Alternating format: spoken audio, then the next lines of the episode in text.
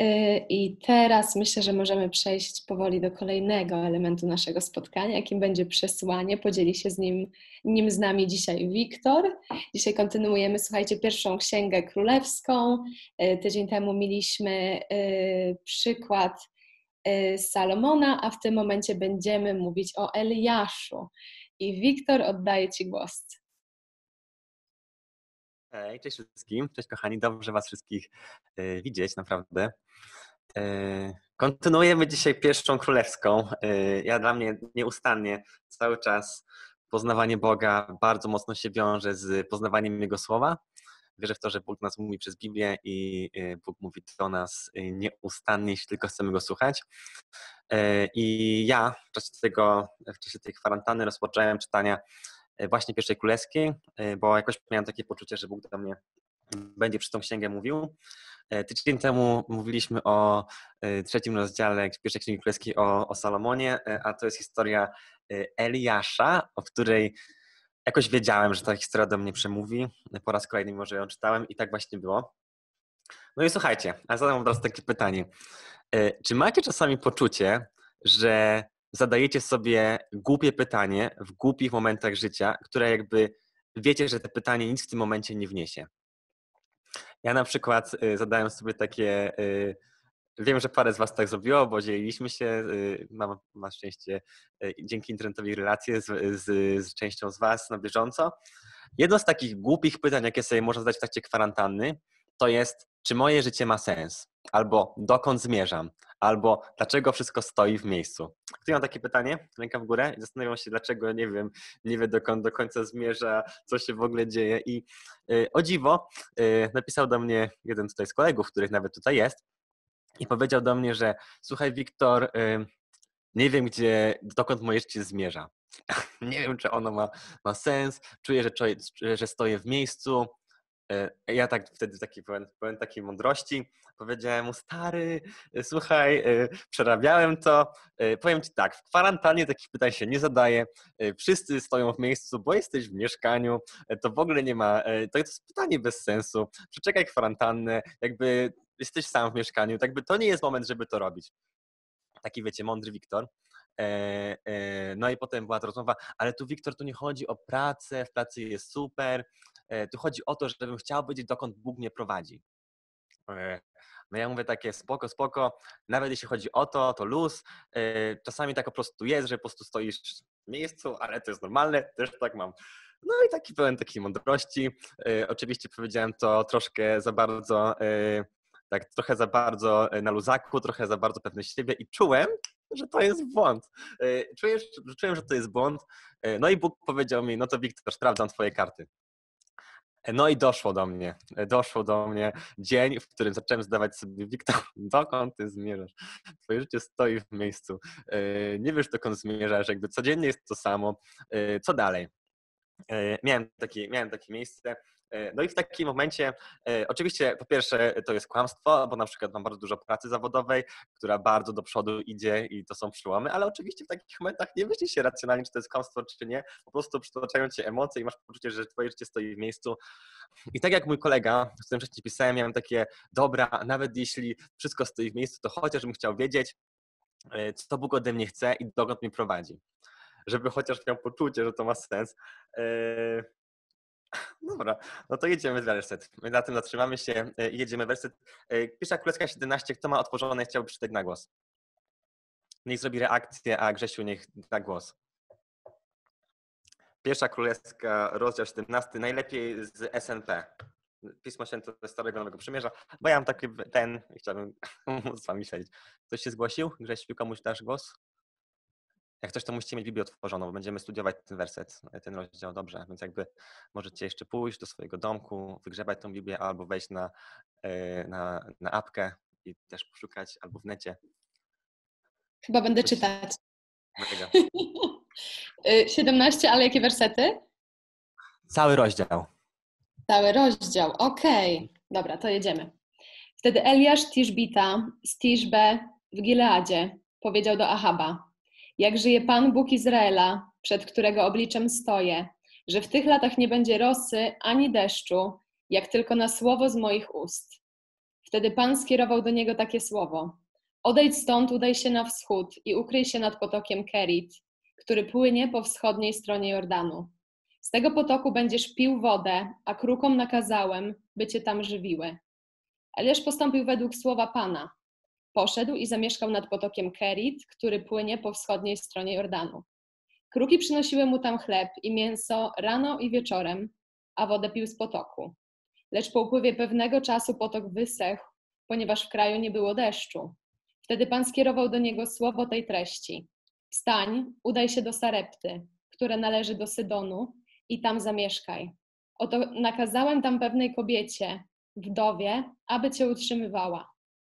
Eliasz wyruszył zatem do Sarepty, a gdy wchodził do bramy miasta, oto pewna kobieta, wdowa, zbierała tam kawałki drewna. Zawołał więc do niej: Przynieś mi, proszę, trochę wody w jakimś naczyniu, chciałbym się napić.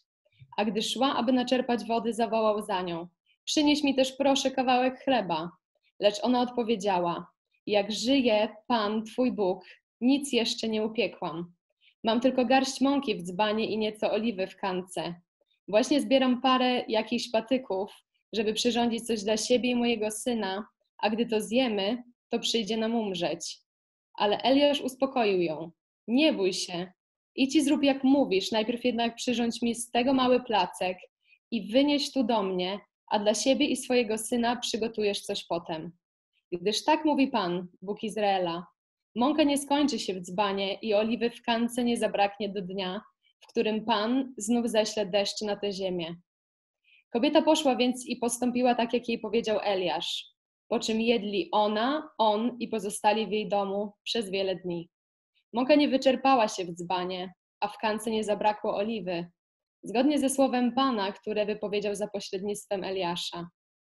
Po tych wydarzeniach zachorował syn tej kobiety, właścicielki domu, a jego choroba tak bardzo się wzmogła, że w końcu przestał oddychać. Wtedy kobieta powiedziała do Eliasza: Co nas z sobą łączy, mężu Boży? Przyszedłeś do mnie, by przypomnieć mi moją winę i doprowadzić do śmierci mojego syna. Lecz on ją poprosił: Daj mi swego syna.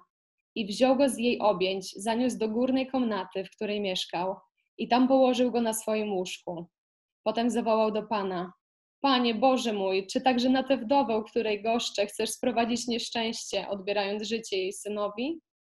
Potem wyciągnął się nad dzieckiem trzy razy i zawołał do pana: Panie Boże mój, niech wróci proszę życie tego dziecka w jego wnętrze.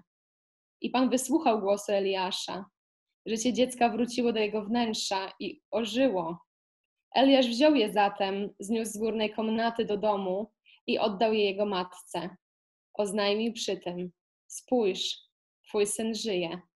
Wtedy kobieta wyznała Eliaszowi: Teraz to wiem, że jesteś mężem Bożym i że słowo Pana w Twoich ustach jest prawdą. Amen. Dzięki wielkie, Eddie. E, bardzo dzięki za przyjęcie tego fragmentu. E, krótka, krótki wstęp. Kim jest Eliasz? Generalnie dla mnie Eliasz jest jedną z najbardziej spektakularnych osób w Biblii. Jakby generalnie Eliasz to jest jeden z tych proroków, tych wielkich proroków. Kiedy Jezus przyszedł na świat, e, to pierwsze co ludzie pytali, czy on jest Eliaszem. Czajcie? Jakby czy to jest ten, czy, Jasz, czy jest, który z nich jest Eliaszem, bo jakby powrót Eliasza to byłoby wydarzenie. E, więc kiedy myślę o tym, że dla mnie Eliasz jest takim bohaterem wiary, e, w, w księdze Jakuba jest powiedziane, że tak jak Eliasz wstrzymał deszcz, tak wy też możecie, wiele może modlitwa sprawiedliwego, wiecie, żeby się modlić jak Eliasz. E, więc generalnie Eliasz jest jednym z tych proroków i z tych mężów bożych, którymi ja bym chciał żyć jak oni jakby moim takim marzeniem jest mieć relację z Bogiem jak Eliasz, żyć jak Eliasz, robić cuda jak Eliasz. I, i tutaj ten rozdział 17 jest rozdziałem między jednym z największych, to jest tuż przed jednym z największych spektakularnych cudów, jakie Eliasz wyda, zrobił w swoim życiu. To jest e, tuż po tym rozdziale, to jest, to jest taka historia, gdzie Eliasz spuścił ogień i zabił 400 proroków i w ogóle się działy cuda. E, I to jest rozdział, który jest jakby historią pośrodku między jednym cudem a drugim cudem. I ten, ten jakby rozdział trwa trzy lata. To są trzy lata, w których widzimy Eliasza. E, I to jest powołanie Eliasza. Słuchajcie, ja sobie to uważam tak. E, Bóg do ciebie mówi, że dokonasz czegoś wielkiego, e, idziesz do króla i mówisz mu, że nie ma deszczu. I słuchajcie, nie ma deszczu. Wyobraźcie sobie jakieś takie największe prosto w życiu, które macie wypowiedzieć, albo Słowo Boże, albo cud, którego macie, który, który przez Bóg do was dokona. Po prostu idziecie, mówicie to i to się ma wydarzyć. Po prostu i to się wydarza. Wyobraźcie sobie? Generalnie ja parę razy już doświadczyłem Bożego działania, e, takiego spektakularnego, że Bóg coś dokonał przeze mnie, albo byłem tego świadkiem. E, to w momencie, w którym coś takiego się dzieje, taka spektakularna Boża obecność, masz poczucie, że teraz będzie tylko i wyłącznie lepiej. Że to jest początek po prostu wielkiego Bożego e, prowadzenia, to jest początek szczęścia i radości. I teraz punkt pierwszy. A droga z Bogiem to posłuszeństwo na dobre i na złe. I przeczytajmy jeszcze raz ten fragment. Wtedy Eliasz Tiszbita z Tiszbe w Giladzie powiedział do Achaba, E, bo to była właśnie w momencie, w którym Ahab to był król, król który robił bardzo dużo e, grzechów e, i, i, i Eliasz chciał zapowiedzieć jakby tą, tą suszę, żeby jakby pokazać, że Bóg jest jedynym Bogiem, jakby pokazać całemu, całemu Izraelowi, że Bóg jest prawdziwy. Wyobraźcie sobie państwo, gdzie jest mnóstwo grzechu i ty teraz pokażesz, że twój Bóg jest Bogiem prawdziwym. Udowodnisz całemu państwu, że twój Bóg jest prawdziwy i całe, całe państwo zobaczy, że, że to jest, że, że tylko Jezus, że tylko twój Bóg, tylko Jezus może wstrzymać deszcz i ten deszcz uruchomić potem. No i widzisz ten grzech, widzisz tą całą, ten cały, widzisz to wszystko, co się dzieje i ty idziesz do króla i mówisz mu, jak żyje Pan, Pan, Bóg Izraela, przed którego obliczem stoję, że w tych latach nie będzie rosy ani deszczu, e, jak tylko na, na, słowa, e, na słowo z moich ust. Idziesz do kogoś i komunikujesz Boże Słowo. I tu mamy stop klatkę. Poszedłeś, powiedziałeś, deszcz zatrzymuje się. I potem przychodzi do ciebie Bóg i mówi tak. Wtedy Pan skierował do niego takie słowo. Odejdź stąd, udaj się na wschód i ukryj się nad potokiem Kerit. Odejdź stąd i się ukryj. I po prostu nie macie. Zamknij się gdzieś po prostu i zaczyna się czas uciekania i ukrywania się. Yy, I taka, takie pytanie. Czy my, kiedy modlimy się do Boga, żeby Bóg nas yy, używał, Bóg nas prowadził, Bóg nas mówił, czy jesteśmy gotowi na konsekwencje, które byłyby negatywne dla naszego życia? Czy mówiąc Bogu tak, jesteśmy gotowi na to, że nasze życie się po prostu pogorszy? Tak, wiecie, że to będzie kosztowało. Czy posłuszeństwa? Yy, bo patrząc na tą historię, to Eliasz poszedł, doświadczył spektakularnego Bożego działania, a potem się musiał ukrywać i uciekać. Yy, I nie wiem jak wy, ale niektóre historie ożywają w momentach, w których y, jesteśmy, y, które po prostu doświadczamy. I minęły ile? Trzy tygodnie, kiedy jesteśmy zamknięci w domach? Trzy tygodnie, w których jesteśmy zamknięci w domach i mamy wszystko. Mamy jedzenie, mamy picie, co najmniej w większości, mam nadzieję, że mamy. Jeśli nie macie, to napiszcie, przewieziemy wam to jedzenie. Będziemy się wspierać. Ale nie jest obiektywnie tak źle. Jest dach nad głową, jest internet, jest telewizja wszyscy macie internet, bo jesteście na Zoomie w tej chwili, albo oglądacie na YouTubie, więc cokolwiek, macie internet, więc świat się nie skończył. Ale co najmniej ja mam dni, w których po prostu jest mi ciężko. Ja mam takie poczucie, że, że stoję w miejscu, ja mam takie poczucie, że chciałbym spektakularnego Bożego działania. Y, I sobie myślę, że, i to jest takie, y, taki drugi punkt, to, że nie widzisz spektakularnego Bożego działania, nie znaczy, że Bóg nie działa i że to nie jest owo sposób Twojego posłuszeństwa że to, że jest w tej chwili nic się nie dzieje, wcale nie znaczy, że Bóg nie działa, wcale nie znaczy, że się zpogubiłeś. To może po prostu poznaczać, że to jest dalsza część drogi. Yy, I teraz idziemy dalej. Yy, idzie nad ten potok. Z tego potoku będziesz pił wodę, a krukom nakazałem, by ci tam żywiły. Mega, co? Jakby taki, to jest kolejny cud. Mamy potok, mamy kruki, Eliasz postąpił według słowa Pana, poszedł i zamieszkał nad potokiem Kerit, który płynie po wschodniej stronie Jordanu. Kruki przynosiły mu tam chleb i mięso rano i wieczorem, a wody, a wody pił z potoku. I potem tak. Lecz po upływie pewnego czasu potok wysechł, ponieważ w kraju nie było deszczu. E, I teraz drugi punkt. E, pogorszające się warunki nie oznaczają braku Bożej łaski. E, pogorszające się warunki nie oznaczają braku Bożej łaski. E, I sobie tak wyobrażam ten, ten moment, w którym Eliasz stoi nad tym potokiem i ten potok nie wysechł z dnia na dzień.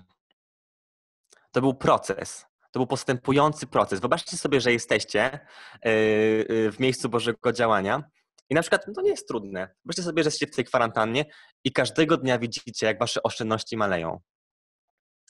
I po prostu wyobrażacie sobie koniec, co będzie w momencie, w którym skończy mi się kasa na koncie. Bo jakby ten dzień da się przewidzieć. Jakby macie ileś pieniędzy na koncie, macie oszczędności, straciliście pracę, ale ten dzień przyjdzie, w którym po prostu potok waszych pieniędzy wyschnie. Albo wiecie, taki po prostu. Ja sobie wyobrażam Eliasza, który siedzi w tym domu i sobie myśli: Przecież Bóg mnie błogosławił. Przecież Bóg posłał mnie w to miejsce. Przecież jestem mu posłuszny i każdego dnia widzę, jak ta woda, którą przecież Bóg mi dał, wysycha. A co będzie, kiedy ona, jeśli ona wyschnie? A co będzie potem? E, I sobie tak myślę, że czasami ciężko nam zaufać, że Bóg błogosławi, kiedy Boże błogosławieństwo ma tendencję spadkową. Jakby fajnie się ufa Bogu w momencie, w których e, widzimy progres, że nasza wiara przynosi owoce i jest coraz lepiej. A pytanie, jak się czujemy i czy nadal ufamy Bogu, kiedy nasze Boże, że kiedy Boże błogosławieństwo ma tendencję spadkową? Bo słuchajcie, wody, której jest mniej, to są nieustannie pogarszające się warunki. Mm. I sobie tak myślę, że zaufanie polega na tym, że nawet jak potok wysycha, ufamy, że Bóg widzi dalej niż płynące źródło i że to On jest zaopatrzeniem, a nie strumień. I sobie myślę, że ten strumień może być wszystkim, co sobie włożymy, co sobie postawimy. To może być strumień pieniędzy, to mogą być, to może być zdrowie, to może być sytuacja stabilna w rodzinie. I sobie, i, i sobie tak myślę, że bardzo łatwo e, pomylić źródło z, z zależnić od Bożego błogosławieństwa, a zapomnieć o Bogu, który jest źródłem błogosławieństwa. I, i sobie myślę, że e, jak się musiał czuć Eliasz, któremu Bóg dał to źródło i widział, że to źródło wysycha. I Boże źródło nadal nie jest Bogiem. To, że mamy błogosławieństwo, to wcale nie znaczy, że, że to jest coś, czego mamy się trzymać kurczowo. Yy... Bo kiedy Jezus wszedł na, na świat i, i nauczał, yy, to była też jedna kobieta, która pomyliła E, kobieta w Samarii, e, która Jezus do niej przyszedł i powiedział o studni, o studni i powiedział o wodzie życia. I ta kobieta e, pomyliła tą wodę z Jezusem Chrystusem, a Bóg powiedział o wodzie życia i kto, i kto się napije z tej wody, żyć będzie. I, I sobie dzisiaj myślę, że w dzisiejszych okolicznościach możemy sprawdzić, czy my naprawdę wiemy, gdzie jest nasze źródło, że naszym źródłem jest Jezus Chrystus.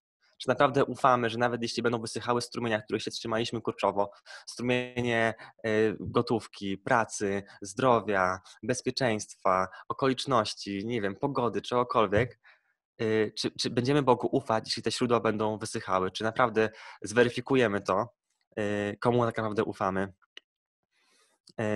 Bo myślę, że Bóg jest Bogiem, który jest źródłem radości, szczęścia i zaopatrzenia. Lecz po upływie pewnego czasu potok wysechł, ponieważ w kraju nie było deszczu. Wtedy Pan skierował do niego słowo tej treści. Wstań, udaj się do Sarepty, która należy do Sidonu i tam zamieszkaj. Oto nakazałem tam pewnej kobiecie, wdowie, aby cię utrzymywała. Patrzcie, najpierw musiało wysnąć źródło, a dopiero potem Bóg przemówił. Ja nie mam pojęcia, jak się czuł Eliasz w momencie, w którym już wyschło źródło, a jeszcze nie było Bożego Słowa. Nie mam pojęcia, jak się Eliasz czuł w tej przerwie.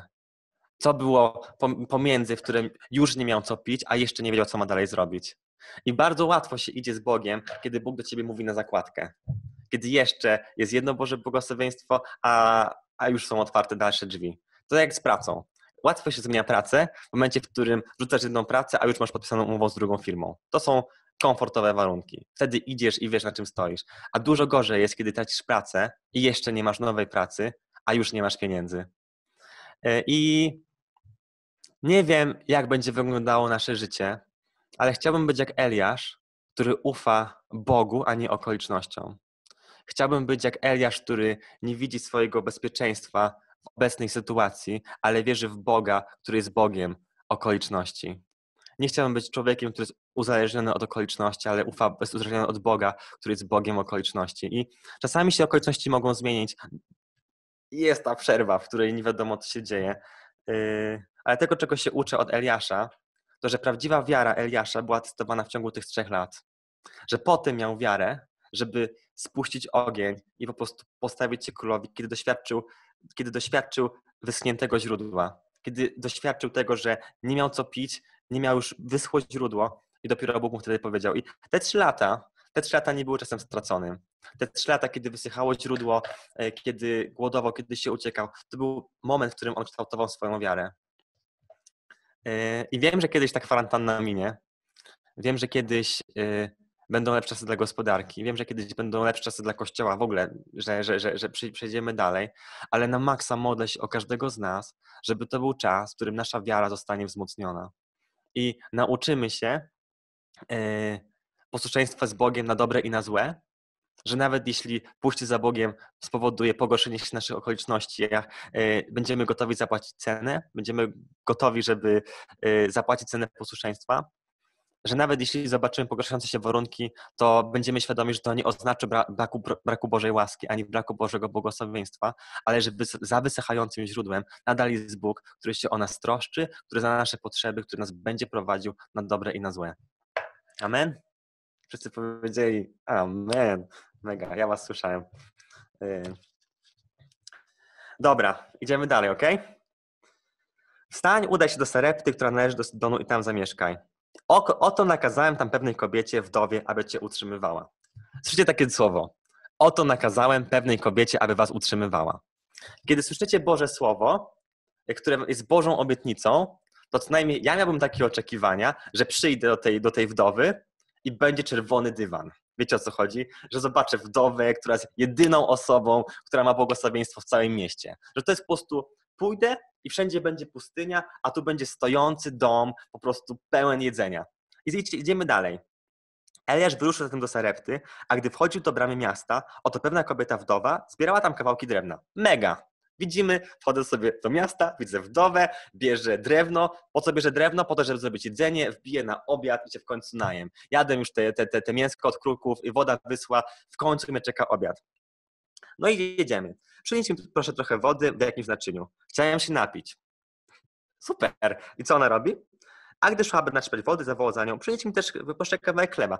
Poprosił o wodę, ona przynosi wodę. Wszystko idzie super. Znaczy ona powiedziała, jak żyje Pan, Twój Bóg, nic jeszcze nie upiekłam. Mam tylko garść, garść mąki w dzbanie, nieco oliwy w kance. I co byście zrobili, gdyby do was Bóg powiedział, że yy, nakazałem pewnej kobiecie, wdowie, aby cię utrzymywała, przychodzisz do miasta i wdowa ani widu, ani słychu nie słyszała nic od Boga. I co więcej, nawet gdyby słyszała, to i tak nie ma wam z czego tego obiadu dać. Yy, co byście zrobili, gdyby Bóg was do, powołał do jeszcze nieistniejących okoliczności. Czajcie? Jakby dla mnie to jest takie najbardziej szokujące, że yy, czasami, kiedy Bóg powołuje i pokazuje krok dalej, ty masz ochotę pójść na gotowe, a okazuje się, że idziesz i nie ma jeszcze niczego, i dopiero w tym momencie yy, Bóg te okoliczności tworzy na bieżąco. Yy, lecz ona powiedziała: Jak żyje Pan, Twój Bóg, nic jeszcze nie upiekłam.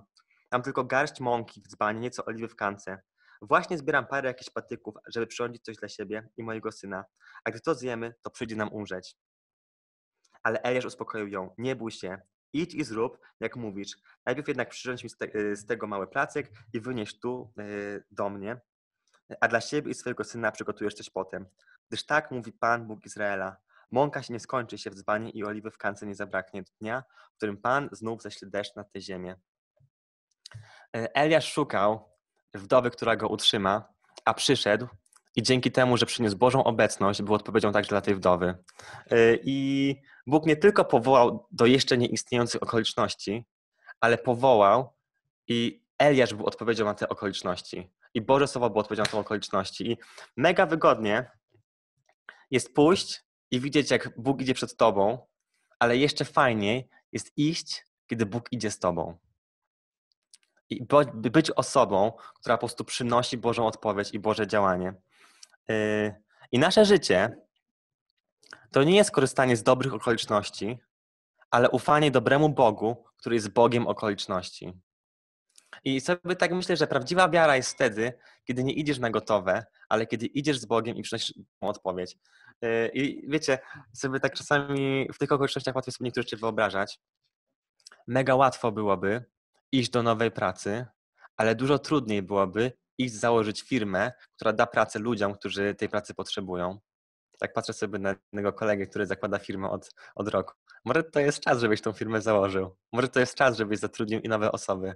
Może to jest czas, żeby pójść na wiarę i po prostu być od Bożą odpowiedzią. Yy. Więc tak, Bóg powołuje do jeszcze nieistniejących okoliczności, co może być wyzwaniem, ale może być też yy, niesamowitą przygodą, która będzie przygodą z Bogiem, którym nie będziesz doświadczał Boga, który idzie przed tobą, ale Boga, który idzie z tobą i działa przez ciebie. Yy, no i tak, jaki macie obraz Eliasza, yy, człowieka cudów? No to jedziemy dalej. Yy, no i słuchajcie, mamy teraz cud. Kobieta więc poszła, postąpiła tak, jak jej powiedział Eliasz, po czym jedli ona i on i pozostali w jej domu przez wiele dni. Mąka nie wyczerpała się w dzbanie, a w kance nie zabrakło oliwy, zgodnie ze słowem Pana, który powiedział za pośrednictwem Eliasza. I to jest, słuchajcie, coś, teraz przeczytam fragment, który otworzył mi się tylko i wyłącznie dlatego, że jest koronawirus. Po tych wydarzeniach zachorował syn tej kobiety, właścicielki domu, a jego choroba tak bardzo się wzmogła, że w końcu przestał oddychać. Przestał oddychać. Wiecie, jest choroba i on przestał oddychać. I sobie wyobraźcie takie coś. Jesteście Eliaszem, choruje dziecko i mu się pogarsza. Nie to, że nagle umarł, tylko że ileś tygodni, dzień w dzień mu się pogarsza. I sobie tak myślę, czy e, na pewno Eliasz się o to modlił. Co więcej, był pod jednym dachem, więc albo mógł kminić, się zarazi, albo mógł próbować to dziecko uzdrowić, uleczyć, poszedł pewnie jakieś ziółka, próbował go uleczyć i, i sobie tak myślę, e, nie mógł nic zrobić, żeby zapobiec śmierci tego dziecka. To nie jest sytuacja, w której on przyszedł i zobaczył, że dziecko umarło. To jest sytuacja, w której każdego dnia musiał widzieć, jak to dziecko powoli umiera. Czajcie? Jesteście Eliaszem i widzicie umierające dziecko dzień w dzień e, i ono się dusi. Dusi się. Więc jakby, e, a choroba jego tak bardzo się zmoga, że w końcu przestał oddychać. I widzicie, jak to dziecko po prostu łapie oddech i się dusi. Widzicie matkę, która płacze i nic nie możecie zrobić. E, I mam taki punkt. To, że nie możesz zapobiec najgorszemu, nie znaczy, że nad najgorszym Bóg nie ma kontroli. Bo w tym momencie, w którym po prostu to dziecko umarło, to kobieta mówi tak. Co nas z sobą łączy, mężu Boży? Wszedłeś do mnie, by przypomnieć mi moją winę i doprowadzić do śmierci mojego syna. Lecz on ją poprosił, daj mi swojego syna. I wziął go z jej objęć, zaniósł do górnej komnaty, w której mieszkał i tam położył go na swoim łóżku. Potem zawołał do Pana. Zastanawiam się, jak często wcześniej wołał do Pana. Jak, jak często wcześniej wołał do Pana o tą samą modlitwę, żeby Bóg uzdrowił. I jaki to musiał być akt desperacji, kiedy widział tygodniami, że Bóg nie, od, nie, nie odpowiada mu, że kiedy widział tą samą modlitwę, którą Bóg nie odpowiadał miesiącami i po prostu tygodniami i kiedy już wszystko jest w najgorszym miejscu, kiedy już nie ma żadnej nadziei, on jeszcze raz tą samą modlitwę do Boga zanosi. Nie wiem, czy wy mieliście takie modlitwy, w których po prostu modliliście się miesiącami, latami i nie widzieliście odpowiedzi. Ta sama modlitwa o rodzinę, która jest nienawrócona. Modlicie się już po prostu tak długo, że już nie macie nadziei. O zdrowie i cały czas jesteście chorzy. O, o, o, o relacje, o bliskich, o, o pracę. Modlicie się dzień w dzień tą samą modlitwą i cały czas nie widzicie odpowiedzi. I dochodzicie do miejsca, w której już nie ma nadziei. Nadzieja umarła. Zastanawiam się, jaki poziom wiary musiał mieć wtedy Eliasz, kiedy poszedł, wziął to dziecko, które umarło, nie mógł zrobić nic, żeby to dziecko umarło i bierze na górze. I patrzcie, jak brzmiała ta modlitwa.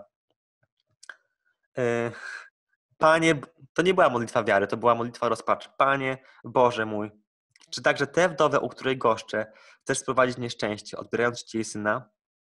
Potem wyciągnął się nad dzieckiem trzy razy i zawołał do Pana. Panie, Boże mój, niech wróci proszę życie tego dziecka w jego wnętrze. Yy, to była modlitwa, w której Eliasz prosił o życie. Yy, I sobie myślę, że to życie może być bardzo symboliczne, że życie może być odnawiającą się nadzieją. Bo zobaczmy dalej. I co się wydarzyło? I Pan wysłuchał głosu Eliasza, dziecko ożyło. E, e, I Pan wysłuchał głosu Eliasza, życie dziecka wróciło do jego wnętrza i ożyło. Ożyło. I słuchajcie dalej. Eliasz wziął je zatem, zniósł z góry, z górnej komnaty do domu i oddał jej matce. Słuchajcie, to dziecko nie ozdrowiało. Nie było w stanie chodzić. Eliasz, tak jak wniósł, to musiał je znieść. Czajcie? To nie było uzdrowienie dziecka, to było ożycie dziecka. To dziecko ożyło. Było martwe i zaczęło żyć. E, I, I myślę sobie, że czasami się modlimy i już nie mamy nadziei i, i modlimy się o cud i ten cud nie przynosi, ale może przyjść co innego, może przyjść życie. E, I wierzę w to bardzo mocno, że kiedy świętowaliśmy Wielkanoc, to świętowaliśmy życie. Świętowaliśmy w to, że Jezus jest Bogiem życia. Świętowaliśmy zmartwychwstanie Jezusa Chrystusa. Jeśli wierzysz Jezusa y, i wyznałeś Go swoim Panem i Bawcą, Zbawcą, to będziesz zbawiony i w Tobie jest życie i to życie wieczne. To jest, to jest życie pomimo okoliczności. To jest tak, że jeśli wszystko umrze, łącznie z Tobą i z Twoim ciałem, to ożyjesz na nowo. I wierzę w to, że y, w Jezusie Chrystusie możemy mieć nadzieję. I może dzisiaj jesteś już tak zrezygnowany, że jedyne, czego potrzebujesz, to żeby na nowo ożyć. Żeby modlitwa, o którą się modlisz, nie masz nadziei, ożyła. Że jeśli już poddałeś tą rodzinę, o którą się modlisz tak długo, to żeby w Jezusie przyszło dzisiaj ożycie tej nadziei. Żebyś po prostu na nowo miał wiarę się modlić i na nowo wołał do Boga. Panie może, Boże mój, niech wróci proszę życie tego dziecka. Niech, niech, niech wróci proszę życie i, i wróci nadzieja. Bo jest Bogiem nadziei i wierzę w to, że jest także Bogiem życia. Y, wtedy kobieta wyznała Eliaszowi: Teraz to wiem, że jesteś mężem Bożym i że słowo Pana w Twoich ustach jest prawdą. Wierzę, że to, że mamy nadzieję, to, że cały czas trwamy i walczymy, i to, że jest w nas, w życie pomimo okoliczności, będzie świadectwem, że w nas Bóg jest prawdziwy i że to, o co o nim mówimy, jest, prawdzi- jest prawdą. Czasami to nie będą, to nie będzie uzdrowienie sytuacji. Czasami to nie będzie tak, że dziecko było chore i jest zdrowe, ale dziecko umarło i żyje. Może to będzie uzdrowienie nadziei i ludzie będą nas widzieli. Jesteśmy ludźmi nadziei i ludźmi życia pomimo okoliczności, pomimo śmierci, która jest dookoła. Może wszędzie będzie śmierć, a u nas Cię zatli na nowo życie. I to będzie świadectwem, że jesteśmy mężami i kobietami bożymi i że słowo Pana w naszych ustach jest prawdziwe. E, Eliasz nie był uzależniony od źródła, ale od Boga. Nie był w stanie zapobiec chorobie, ale był w stanie uratować nadzieję i ożywić dziecko, które umarło. E, Jezus dokonał jednej rzeczy. Pokonał śmierć. Pokonał śmierć, która jest śmiercią nadziei, która jest śmiercią wiary, e, która jest śmiercią, która jest depresją, która jest grzechem, już pokonał śmierć. I nawet jeśli dzisiaj zmagasz się cały czas z tym samym, to modlę się o to, żeby ożyła nadzieja, żeby ożyło w tobie życie. I nawet jeśli nie będziesz widział przełomu, to życie przyjdzie wraz z tym Chrystusem. E, I to jest moja modlitwa dla nas, e, dla nas wszystkich, żebyśmy wraz e, z Eliaszem może do tej historii sobie wrócić i zobaczyć to trzyletnie zmaganie. Trzyletnie zmaganie Eliasza, który powiedział Boże proroctwo do ludzi, zobaczył Boże działanie, a następnie musiał zapłacić cenę posłuszeństwa. Musiał zobaczyć Boże błogosławieństwo i zaopatrzenie, które po prostu wygasa do zera. Potem musiał zobaczyć, że Bóg powołuje go do okoliczności, które jeszcze nie istniały. Myślał, że pójdzie na gotowe, a okazało się, że on jest odpowiedzią. Potem nie mógł zapowiedzieć najgorszemu i, i musiał sobie uświadomić, że nawet jeśli wielotygodniowe, czy tam miesięczne, czy ileś tam, ile tokolwiek trwało walki, nie przyniosły skutków, to nadal jest nadzieja w Bogu i musiał doświadczyć, że Bóg jest Bogiem życia, po to, żeby następnie móc iść i dokonywać wielkich cudów w imieniu Jezusa Chrystusa. I o to się dla nas wszystkich modlę, e, żebyśmy e, byli ludźmi nadziei, byli ludźmi, którzy nadal ufają Bogu, którzy przetrwają to wszystko, e, w którym jak, jak będziemy doświadczali umierającej nadziei, nadal będziemy się modlić i nawet jeśli nadzieja, okoliczności umrą, to nadzieja będzie żyła. Amen. Amen. Oddajmy Bogu chwałę. Dzięki.